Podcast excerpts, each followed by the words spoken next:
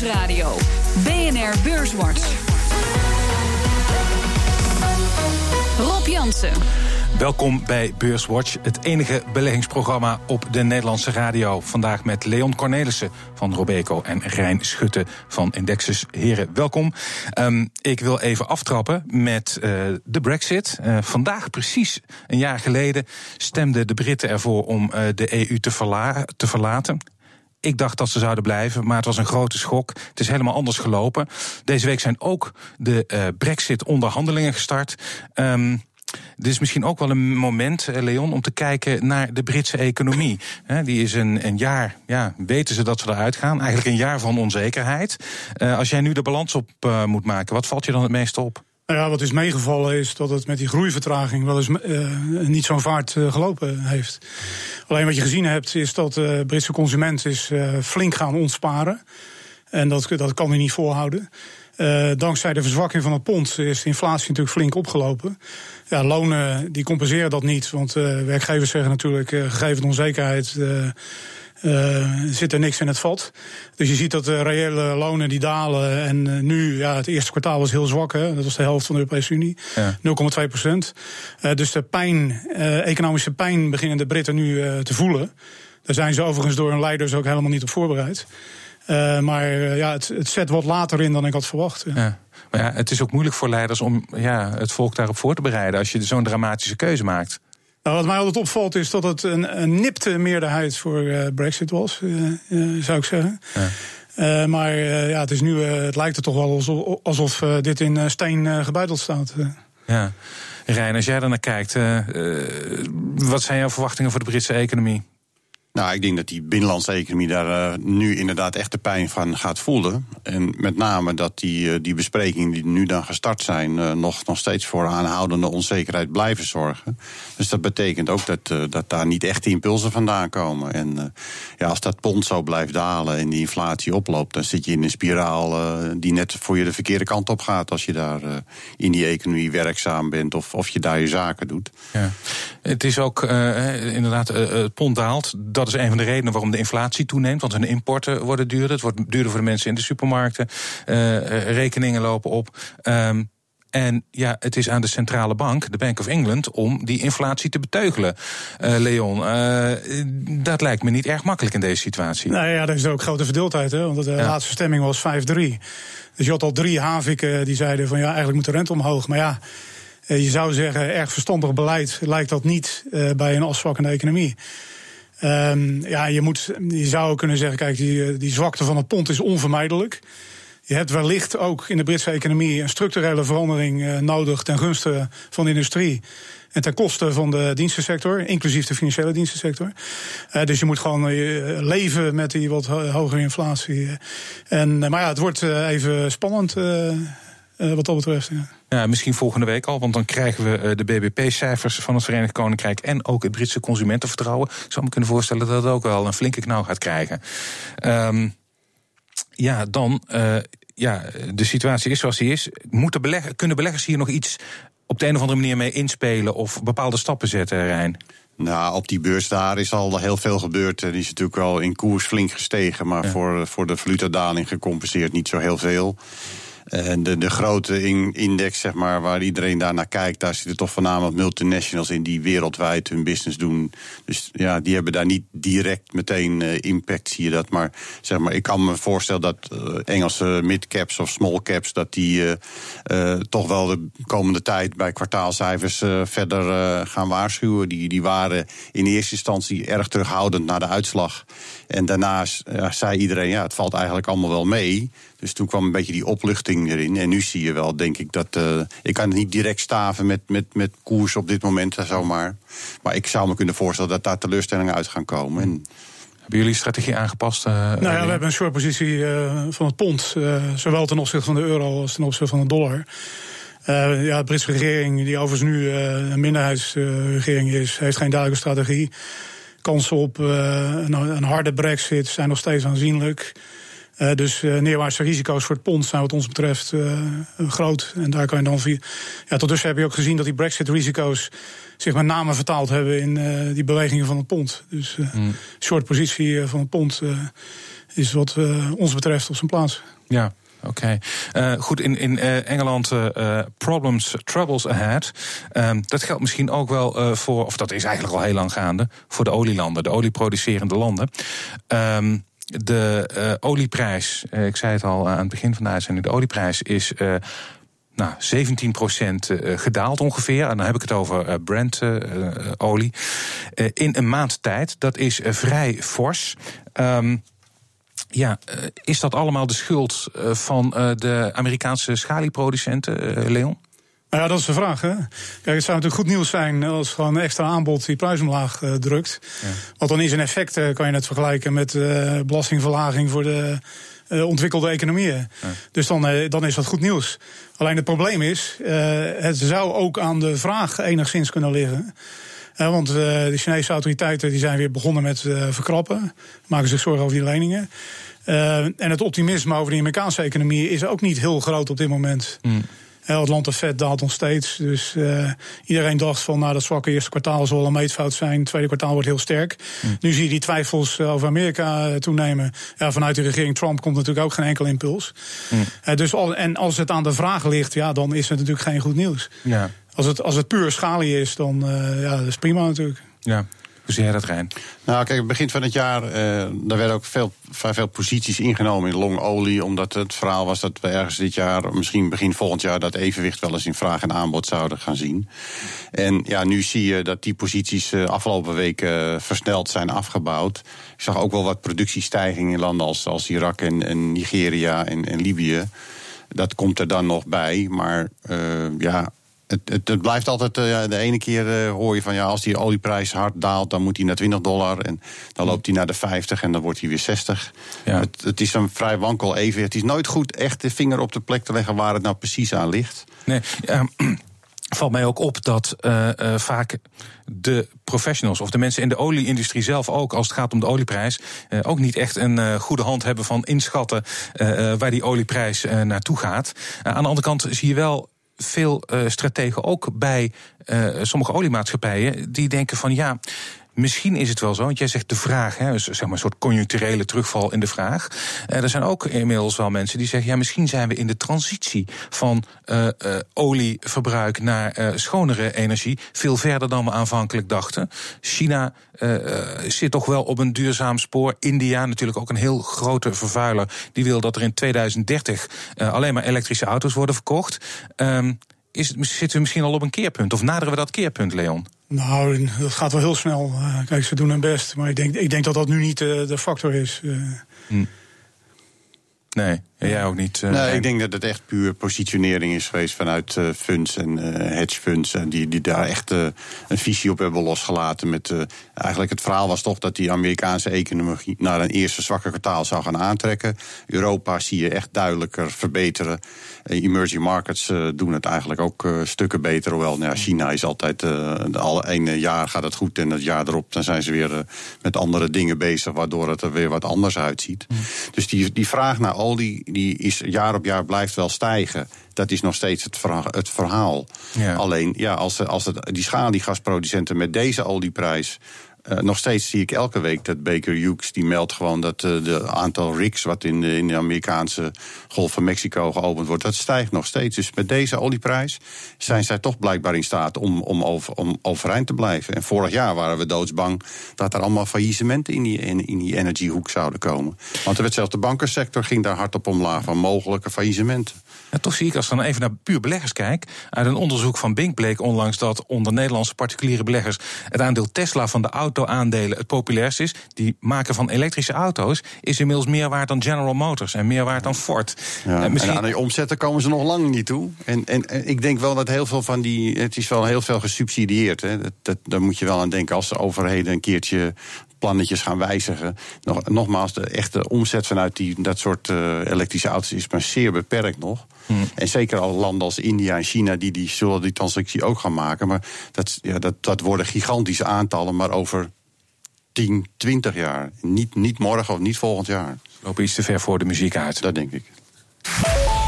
Na de reclame dan praten we verder. Onder andere over Ahold Delhaize. Analisten zien wel iets in een afsplitsing van de Amerikaanse tak. En Philips staat eh, in de belangstelling van een activistische aandeelhouder. Tot na de reclame. BNR Nieuwsradio. BNR Beurswatch. We gaan het hebben over Ahold Delhaize en over uh, Philips. En dat doe ik vandaag met Leon Cornelissen van Robeco en Rijn Schutte van Indexus.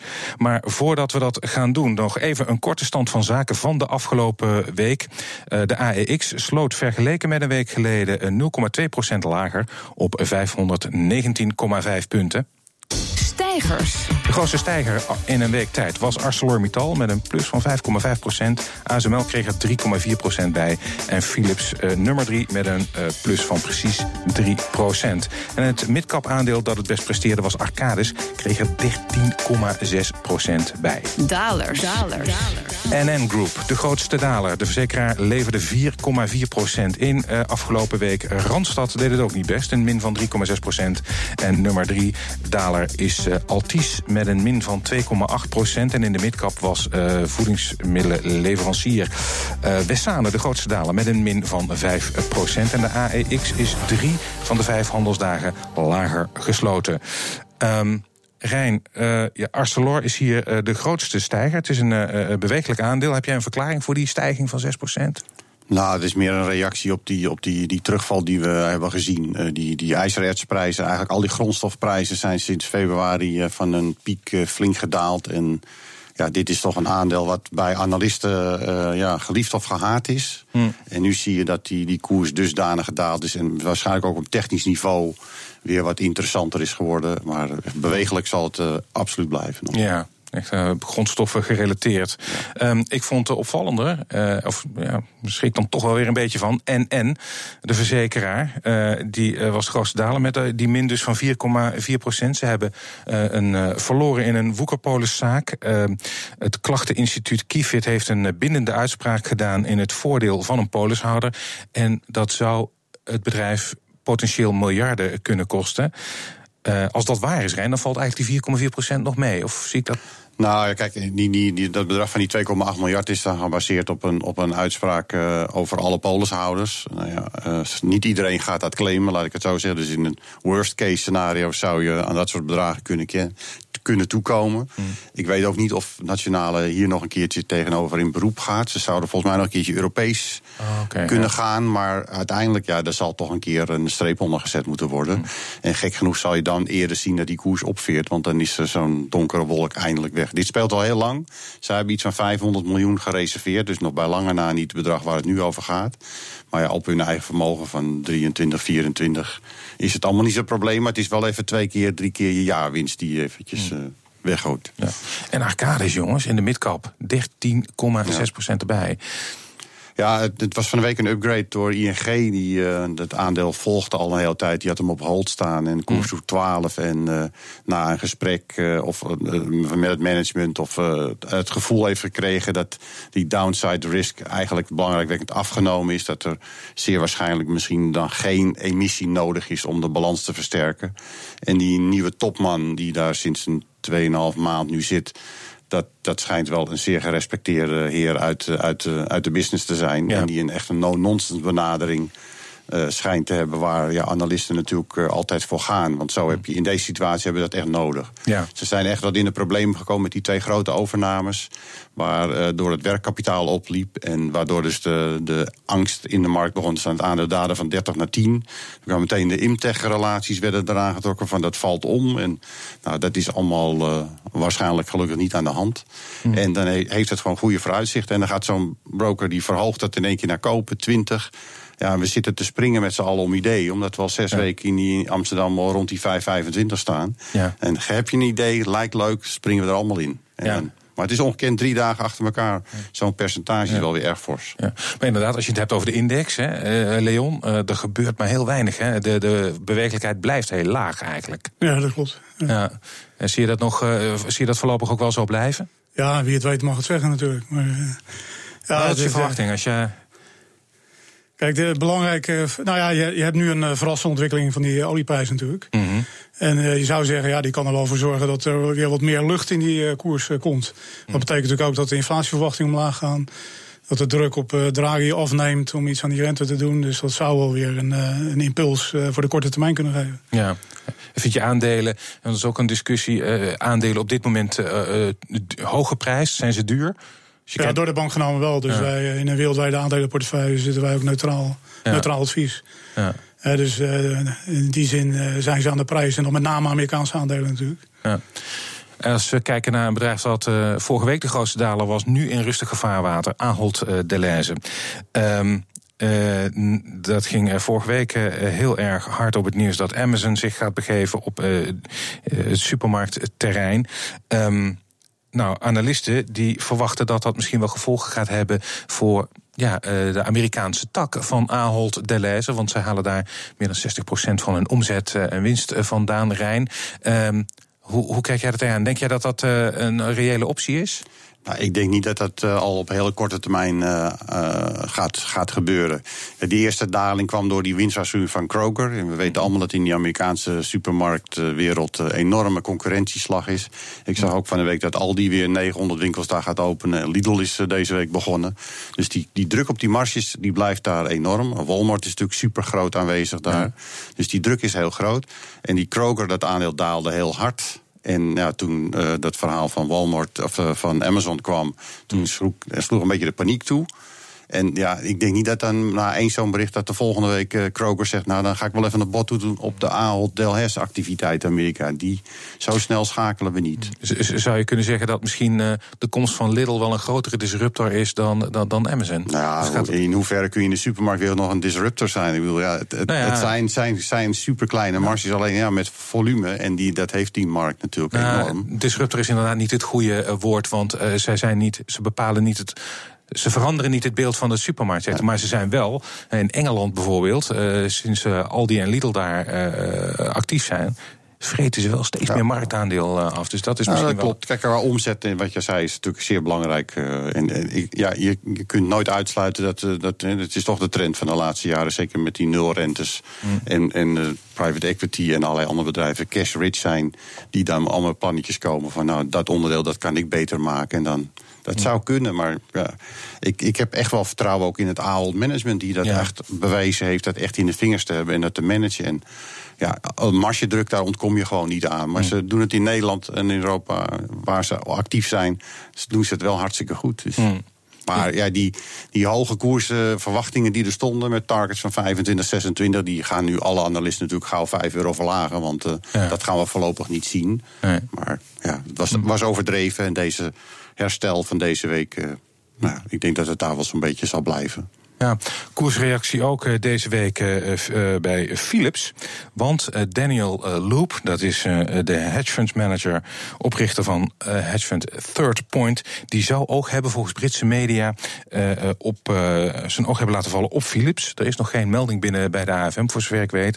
Maar meestal betekent dat als die bronnen juist zijn, betekent dat toch wel slecht nieuws voor Philips, lijkt me. Want dan moet het mes erin, of niet, Rijn? Ja, nou, en eens verbaast het me een beetje. Want ik, als je kijkt naar, naar de koersontwikkeling en de marktkapitalisatieontwikkeling, kun je Philips nou niet echt verwijten dat ze hebben zitten slapen of zo. Nee. En, en natuurlijk zijn er zaken die operationeel die je echt kunt verbeteren. En dan vraag ik me af of een, of een, een activistische aandeelhouder dat dan uh, de turnaround gaat doen. Of dat hij uh, mensen daarvoor gaat inhuren om dat soort zaken zeg maar, te bespoedigen. Kijk, ze hebben toen jaren geleden al die switch gemaakt naar die medische technologie. Dat moest een enorme groeimarkt worden. Nou, dat is wel gegroeid, alleen er zijn andere grote bedrijven als Siemens en General Electric natuurlijk ook vol ingestapt. Ja. Dus die marges vallen daar eigenlijk uiteindelijk wel wat tegen. Maar ze zijn nog steeds strategisch goed bezig. En ja, ik denk van ja, je kunt alles wel opsplitsen en, en uh, met de huidige rente verdisconteren. Dan kan je alles beter doen. Maar hm. ik denk niet dat je Philips kunt verwijten dat ze de boel hebben laten versloffen. Maar alles, het kan altijd beter. Maar ja, Frans van Hout heeft niet op zijn, op zijn handen gezeten. Dat, nee, dat geloof ik ook niet. En wat er misschien wel enigszins steunt, uh, sterkt, is dat tot op heden allerlei buitenlandse interesse van investeerders, ik zet ze even op een rij, PostNL, Unilever, Axo Nobel, ze komen er niet tussen, Leon. Nee, het politieke klimaat is wel uh, wat veranderd. ja. ja. En uh, ten, ten, ten goede, vind je? Ik bedoel, het zijn aan de andere kant, dus vinden we, we, zien, ja, we trekken ons ook steeds meer terug op ons eigen terrein. Ja, ik ben, nou ja, ik ben ook bang dat die retoriek in Amerika natuurlijk ook niet helpt om het klimaat voor uh, internationale fusies en overnames beter te maken. Mm. En dan zit je natuurlijk met het probleem van China. wordt ook steeds actiever in Europa. Ja. ja, grote vrees in Frankrijk dat ze met, uh, met steun van de Chinese overheid met wat high-tech bedrijven aan de haal gaan. dus daar komt ook verzet. met name ook omdat het voor westerse bedrijven zeer, zeer moeilijk is om overnames te doen in China. Dus je hebt eigenlijk geen gelijk speelveld. Het gevaar is natuurlijk dat, ehm, dat er ook oneigenlijke argumenten zoals veiligheidsargumenten gebruikt worden om nationale kampioenen te beschermen. Je zou, je zou tijdje geleden gezegd hebben, typisch Frans. Ja. Uh, maar nu lijkt uh, consensus een beetje in Europa te worden. Van, uh, ja. Onze liberale minister Kamp, die zit, ja, gooit de deur wel op slot, als, Rijn. Als hoofd van Investor Relations al samen met het ministerie persberichtjes gaat maken... dan zijn we hier ook op een hele verkeerde pad terechtgekomen. Van, kijk, ik vind daar zitten we wel op, hè? Ja, maar ik vind de kijk, strategische vol, bedrijven als telecom of energie... Weet je, dat, dat je dat wil behouden, dat snap ik heel goed. En dan kun je een heel mooi verhaal ophouden. Maar als je gewoon beursgenoteerd hebt en de boel niet op orde heb, heb gehad, eigenlijk à la AXO. Hmm. Ja, dan vind ik dit een heel raar verhaal. Hmm. En dan loop je echt de kans dat je zo'n Dutch discount weer krijgt. Van, uh, dat iedereen denkt van ja, Nederland, daar kan je toch niks overnemen. Waarom zou ik erin stappen? Hmm. Nog heel kort uh, voor het einde, jongens. Uh, jullie mogen uh, een tip doen aan de luisteraar. Kan van alles zijn, aandeel, obligatie. Leon, wat zou jij ze willen, willen meegeven als tip? Ik zou zeggen eurozone aandelen zijn goedkoop. Uh, politieke risico's zijn voorlopig uh, van tafel. Uh, conjunctuur trekt sterk aan. En de winstherzieningen zien er ook prima uit. In tegenstelling tot bijvoorbeeld opkomende markten. Rijn. Nou, ik ben het helemaal met hem eens hoor. Maar ik, ik denk, ik ga niet het logische kiezen om dan hetzelfde te zeggen. Dat vind ik ook. Maar ik koos eigenlijk een beetje als contrarian van, voor een. ja, wij zijn veel bezig met trekkers. Ja. Een, een trekker in op de Amerikaanse olie-equipment sector. Die Zoals ETF, Baker Hughes bijvoorbeeld. Ja, en daar zit Sloemberger in Halliburton in. Die, die koers van die trekker is van december vorig jaar 49 dollar gedaald naar 33. Ik ben zelf begonnen te kopen op 36, dus veel te stom, hmm. veel te vroeg. Maar ja. als contrarian moet je wel eens kijken. Als iedereen eruit wil, misschien moet je een heel klein eens beginnen. En uh, wie weet. Nou, nou, luisteraars, eh, daar kunt u uw eh, voordeel mee doen. Um, wij zijn aan het einde gekomen van deze aflevering van Beurswatch. Ik dank mijn gasten van vandaag. Leon Cornelissen van Robeco en Rijn Schutte van Indexes. Volgende week is er natuurlijk weer een Beurswatch. En u kunt deze uitzending naluisteren op de website van BNR of via de BNR-app. En heeft u nog vragen, dan kunt u een tweet sturen naar Rob of BNR. En dank voor het luisteren.